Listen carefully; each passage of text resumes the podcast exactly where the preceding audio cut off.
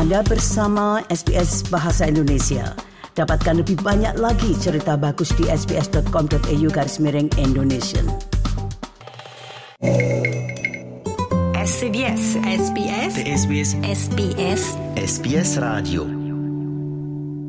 Saudara pendengar, beberapa waktu yang lalu sebagian dari pemenang award dari Indonesia datang ke Australia untuk mengikuti sebuah short course tentang creative entrepreneur yang disponsori oleh Departemen of Foreign Affairs. Nah berikut ini rekan kami Ibu Sridin berbincang dengan salah satu dari pengikut acara tersebut, Randy Julian Miranda. Mari kita ikuti bersama wawancara berikut ini. Dari tanggal 10 Juni sampai dengan 24 Juni di Universitas Monash itu sedang dilangsungkan apa yang dinamakan short course on market enterprises between Australia and Indonesia for micro, small and medium enterprises, business leader and creative and cultural industry. Nah, salah satu pesertanya karena ada 25 itu adalah Mas Randy Julian Miranda yang juga mempunyai bisnis sendiri yang disebut Handep. Nah, apa itu Handep nanti akan diperkenalkan. Terima kasih sekali Mas. Saya tahu Mas Handi saat ini berada di bandara yang jelas kita bisa dengar dengan jelas. Nah, mungkin dapat dijelaskan secara ringkas itu Mas tentang program kursus singkat yang sedang diikuti itu. Oke. Jadi untuk program short course yang sedang saya ikuti itu pada dasarnya merupakan sebuah bagian dari program beasiswa Australia Watch Indonesia ya. Nah, adapun tujuan short course yang bersangkutan itu adalah untuk memperkuat hubungan perdagangan atau hubungan economic partnership antara Australia dan Indonesia dan juga untuk meningkatkan cultural understanding uh, di antara kedua negara. Jadi selama ini karena ini kan baru tanggal 10 ya dimulai artinya itu baru seminggu begitu. Jadi apa yang sudah didapatkan selama ini? Selama ini sih kami bertemu dengan beberapa local businesses ya di Melbourne yang memang bergerak di, di bidang uh, kreatif dan cultural industry. Selain itu kita juga mendapatkan serangkaian seminar atau workshops ya dari pihak akademisi dari Monash University dan juga dari business leaders yang ada di Melbourne. Selain itu kita juga mengunjungi beberapa inilah apa local business atau organization yang bergerak di bidang kreatif dan cultural industry seperti music, uh, craft, co-working space, exhibition itu kira-kira. Jadi kreatif and cultural industry itu ini biasanya akan berhubungan dengan kearifan lokal ya, berarti kalau di Indonesia. Betul kearifan lokal, tapi uh, itu yang untuk cultural ya. Sebenarnya it's a very big luas apa ya, sekali. Uh, industry very very wide. Uh, cakupannya. Tapi, ya kalau di Indonesia mungkin sangat berkaitan erat dengan kearifan lokal, dengan tradition and culture. Tapi selain itu juga mencakup hal-hal yang sifatnya lebih kontemporer ya, seperti musik, film.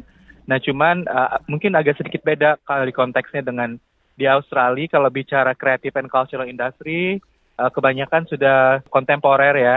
Ada sedikit sentuhan indigenous atau First Nation people, tapi tidak seperti di Indonesia. Mungkin karena Indonesia kan a big country ya dan very diverse dan juga multicultural dari satu tempat ke tempat lain uh, perbedaannya cukup kaya. Ya sebetulnya kalau kita berbicara tentang kebudayaan orang pribumi di sini itu sebenarnya juga kaya sekali dan dan luas sekali karena orang pribumi kan kelompok pribumi di sini kan bukan hanya satu kelompok ibaratnya itu. Betul. Tapi kadang pengertian kita itu tumpang tindih begitu. Jadi pribumi ah, mungkin hanya satu kelompok yang sama padahal itu tidak. Nah tadi Mas mengatakan bahwa sudah ketemu dengan pemimpin-pemimpin bisnis yang ada di sini dan juga akademisi yeah. yang bergerak di bidang bisnis itu sendiri. Jadi apa yang didapatkan dari para pengemuka bisnis itu, Mas? Oke, yang pertama mungkin uh, tentang experience-nya mereka ya terkait running their business gitu dari segi manajemen seperti apa, dari segi marketing strategi, dari segi investment itu seperti apa dan uh, mereka juga memberikan kami knowledge terkait political policy landscape di Australia itu untuk kreatif dan cultural industry seperti apa gitu. Other than that, lebih ke sharing aja sih ya. untuk experience mereka up and downs of doing business seperti apa. Dan satu hal yang uh, cukup menarik menurut saya dan sangat berbeda dengan di Indonesia, dari government sendiri ternyata begitu banyak policy instruments dan juga funding schemes yang tersedia yang bisa diberikan dan diakses oleh para pelaku kreatif dan cultural enterprise yang ada di Australia. Nah, itu belum ada di Indonesia. Itu mudahnya begitu. Ada policy instrument, ada juga beberapa skema pendanaan tapi tidak cukup inklusif dan tidak bisa diakses oleh publik gitu. Ada hmm. beberapa kelompok saja yang bisa mengakses karena mungkin the circulation of the information juga tidak cukup luas dan tidak cukup rata ya. Uh, mostly very Java centris atau Jakarta. Jadi yang di daerah-daerah, yang di provinsi lain itu biasanya tidak mendapatkan akses akses informasi uh, seperti itu. Berarti akses informasi itu masih jelek, itu itu begitu. Nah, Berarti apa ya itu artinya kalau akses informasi itu masih jelek berarti komunikasi antara satu daerah atau atau penurunan informasi dari uh, penyebaran pusat ke informasi dari pusat ke daerah itu yang masih perlu diperbaiki. Iya, ya perlu ditingkatkan. Tapi ini kalau tidak bisa diakses itu berarti uh, tidak ada. Jadi selama ini itu yang diperoleh ya, artinya itu saling belajar lah dari satu pihak dengan yang lain. Tapi Betul. apakah ada yang nantinya dapat diterapkan di Indonesia selain uh, dari akses informasi itu? Sebenarnya kalau dari saya pribadi saya tidak tahu dengan peserta lainnya, tapi menurut saya ada beberapa bisnis strategi yang bisa saya terapkan gitu, khususnya terkait investment atau funding schemes. Banyak sekali ternyata bisnis-bisnis uh, di bidang kreatif dan cultural industry di Australia itu menggunakan mix business models ya. Ada yang didanai oleh filantropis, ada juga yang didanai oleh investor yang memang mencari profit, juga ada juga yang didanai oleh related government institutions gitu. Uh, dan ada juga yang uh, didanai oleh donations. Nah, ini jadi revenue streams-nya cukup banyak gitu untuk sebuah bisnis ini bisa growing dan bisa thriving. Nah, uh, selama ini saya personally saya hanya uh, leverage on milik sendiri. Ya, sendiri. punya sendiri dan, dan dan my network yang mau berinvestasi di bisnis saya. Saya sudah tahu sebenarnya, tapi saya belum pernah melihat contohnya di Indonesia. Tapi ternyata di Australia cukup banyak contoh uh, bisnis-bisnis yang menggunakan diverse uh, revenue stream atau funding scheme seperti itu dan saya pikir untuk bekerja dengan filantropis dan government itu khususnya untuk bisnis seperti yang saya lakukan, uh, Handep, itu harusnya bisa juga diterapkan. Gitu. Iya. Saya memang belum tahu betul, tapi karena Mas sudah menyebutkannya, jadi mungkin dapat dijelaskan tuh apa itu handep itu, karena ini kan mempunyai pengertian yang dalam itu. Jadi handep itu merupakan sebuah social business eh, dan fashion label ya, fashion label yang memang uh, kita working directly with indigenous Dayak artisan, especially in uh, Kalimantan. Visinya adalah kita ingin mendevelop sustainable village economy that aligns with local wisdom and tradition. Saya uh, by the way asli orang Dayak Kalimantan Tengah dan jadi saya punya concern yang cukup besar ya tentang apa yang terjadi dengan komunitas masyarakat sana. adat, masyarakat adat atau indigenous people yang ada di Kalimantan banyak sekali pembangunan besar-besaran untuk industri ekstraktif seperti kelapa sawit, uh, tambang batu bara, uh, gas and oil, tapi orang lokal itu masih belum bisa mendapatkan kesempatan bekerja ya atau job opportunities yang cukup gitu. Sangat sulit untuk orang lokal di sana untuk mendapatkan pekerjaan di perusahaan-perusahaan seperti ini. Dan selain itu juga industri ekstraktif ini sudah uh, menyebabkan banyak sekali uh, perusakan lingkungan, lingkungan khususnya iya. deforestasi dan pembukaan dan lahan. konflik lahan besar-besaran yang terjadi di sana. Jadi Handep itu saya dirikan karena keprihatinan saya untuk eh, orang-orang saya, orang-orang Dayak uh, supaya Handep ini bisa menjadi wadah untuk memberikan mereka kesempatan ekonomi yang lebih inklusif dan sesuai dengan uh, tradisi dan budayanya mereka. Ya, dan Mas Handep itu sendiri bukan singkatan ya, itu itu adalah suatu nama kan itu ya? Itu Sebenarnya untuk nama brandnya, fashion labelnya itu ada kepanjangannya yaitu handmade ethical product. Tapi untuk bahasa Dayaknya dia ada artinya. Itu artinya semangat bergotong royong sebagai sebuah keluarga atau komunitas. Untuk bekerja sama, membantu, ya, semangat saling membantu. royong. Iya. Iya, saling, Saling membantu. membantu sebagai sebuah keluarga. Nah, jadi selama ini bagaimana operasional dari Handep itu, Mas? Sejauh ini kita running pure as a business, jadi kami mendanai diri kami sendiri melalui uh, business investment ya, investasi bisnis dari saya sendiri dan dari beberapa uh, network dan teman saya yang percaya dengan visi misi saya di Handep seperti itu. Nah, meskipun seperti itu, kita juga ada bekerja sama dengan uh, stakeholder lain ya, khususnya untuk program uh, pemberdayaan masyarakat atau community development-nya seperti uh, training, terus juga intinya banyak sekali uh, pelatihan-pelatihan yang kami lakukan. Nah, biasanya ini kami bekerja dengan pihak perbankan ya atau juga international donor seperti DFED seperti itu.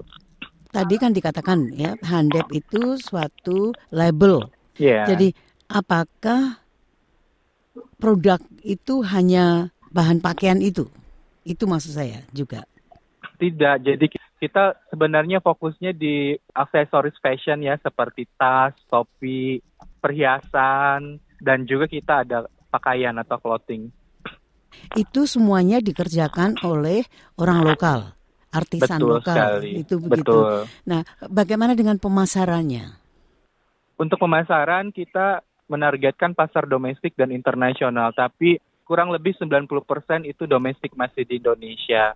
Adapun uh, strategi pemasaran kami, kami menggabungkan strategi pemasaran offline dan online ya. Offline uh, kita punya dua offline store sendiri, yang satu ada di Kalimantan Tengah, yang satu lagi ada di Ubud, Bali. Nah, selain itu kita juga bekerja sama dengan retailer-retailer lain di Bali dan Jakarta untuk menjual produk kami. Nah, untuk online kita memanfaatkan uh, website sendiri, jadi orang bisa belanja langsung dari website Handep. Terus juga kita menggunakan uh, platform e-commerce lokal yang following base-nya uh, cukup besar seperti Tokopedia dan Shopee. Ya. Nah, selain itu kita banyak berpartisipasi juga di event-event seperti uh, Business Expo ataupun bazar dan exhibition gitu. Itu yang setelah dilakukan ya. Nah, Betul. tapi masih 90% it- pembelinya itu Mm-mm. masih dari orang domestik itu. Nah, sekarang setelah berada di Monash itu, apakah sudah timbul ide-ide baru yang nantinya itu dapat diterapkan untuk pemasaran terutamanya? Ya, sebenarnya saya sudah bekerja sama dengan satu uh, butik small retailer di Sydney. Itu punya orang Indonesia juga, tapi dia sudah menjadi permanen resident di Sydney. Tapi uh, itu hanya satu ya. Jadi ke depannya memang kita ingin meningkatkan hubungan bisnis antara Handep dan pelaku bisnis lain di Australia. Uh, karena kan kita ini tetangga yang paling dekat ya, sangat dekat ya sebenarnya secara geografis Indonesia dan Australia. Jadi ke depannya kami ingin mencoba masuk, mencoba membangun kerjasama dengan uh, fashion brand yang ada di kota-kota besar seperti Sydney dan Melbourne. Siapa tahu kita bisa uh, mengekspor produk kita ke Australia seperti itu. Nah, untuk ke negara-negara lain itu biasanya tiap negara kan bukan saja mempunyai kedutaan besar, tapi juga ada konjen kan, konsul jenderal konsul jenderal itu. Nah, sejauh mana itu usaha Mas untuk berkolaborasi misalkan dengan para konjen itu? Untuk sekarang kita belum ada engagement ya dengan pihak konjen, tapi akan ada nanti kayaknya diatur untuk bertemu dengan mereka. Uh, jadi untuk di konjen mungkin minggu depan kita akan bisa bertemu dengan orang di konjen Melbourne untuk bisa berdiskusi tentang potensial bisnis yang kita bisa uh, masuki untuk di Australia seperti itu.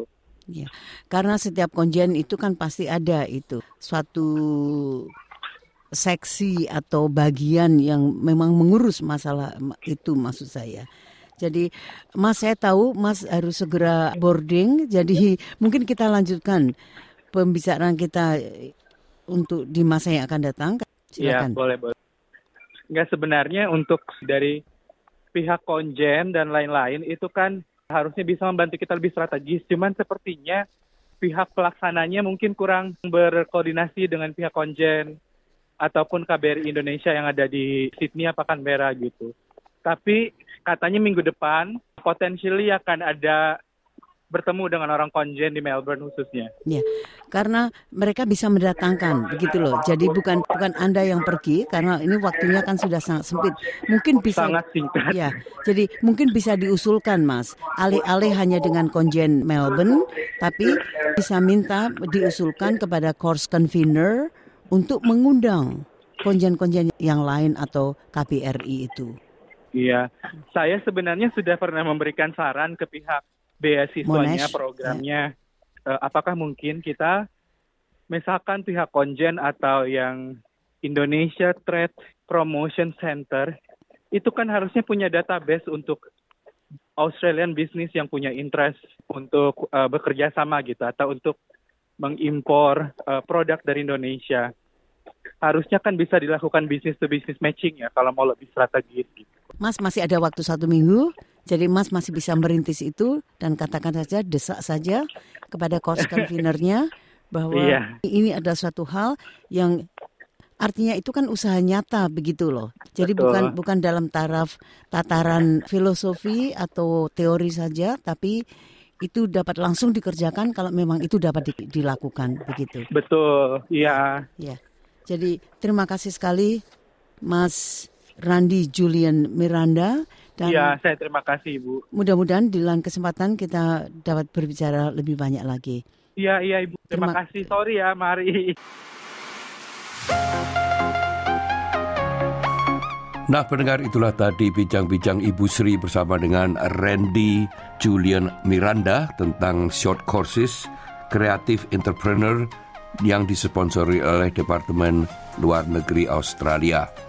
Bagi Anda yang ingin mendengarkan wawancara tersebut dan juga wawancara lainnya serta rangkuman yang kami unggah ke udara, silakan menyimaknya di situs kami pada alamat www.sbs.com.au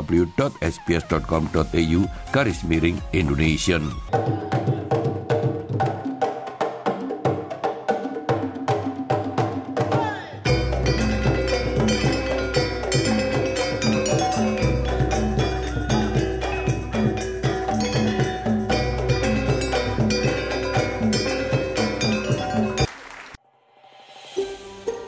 Anda ingin mendengar cerita-cerita seperti ini? Dengarkan di Apple Podcast, Google Podcast, Spotify, atau di mana pun Anda mendapatkan podcast Anda.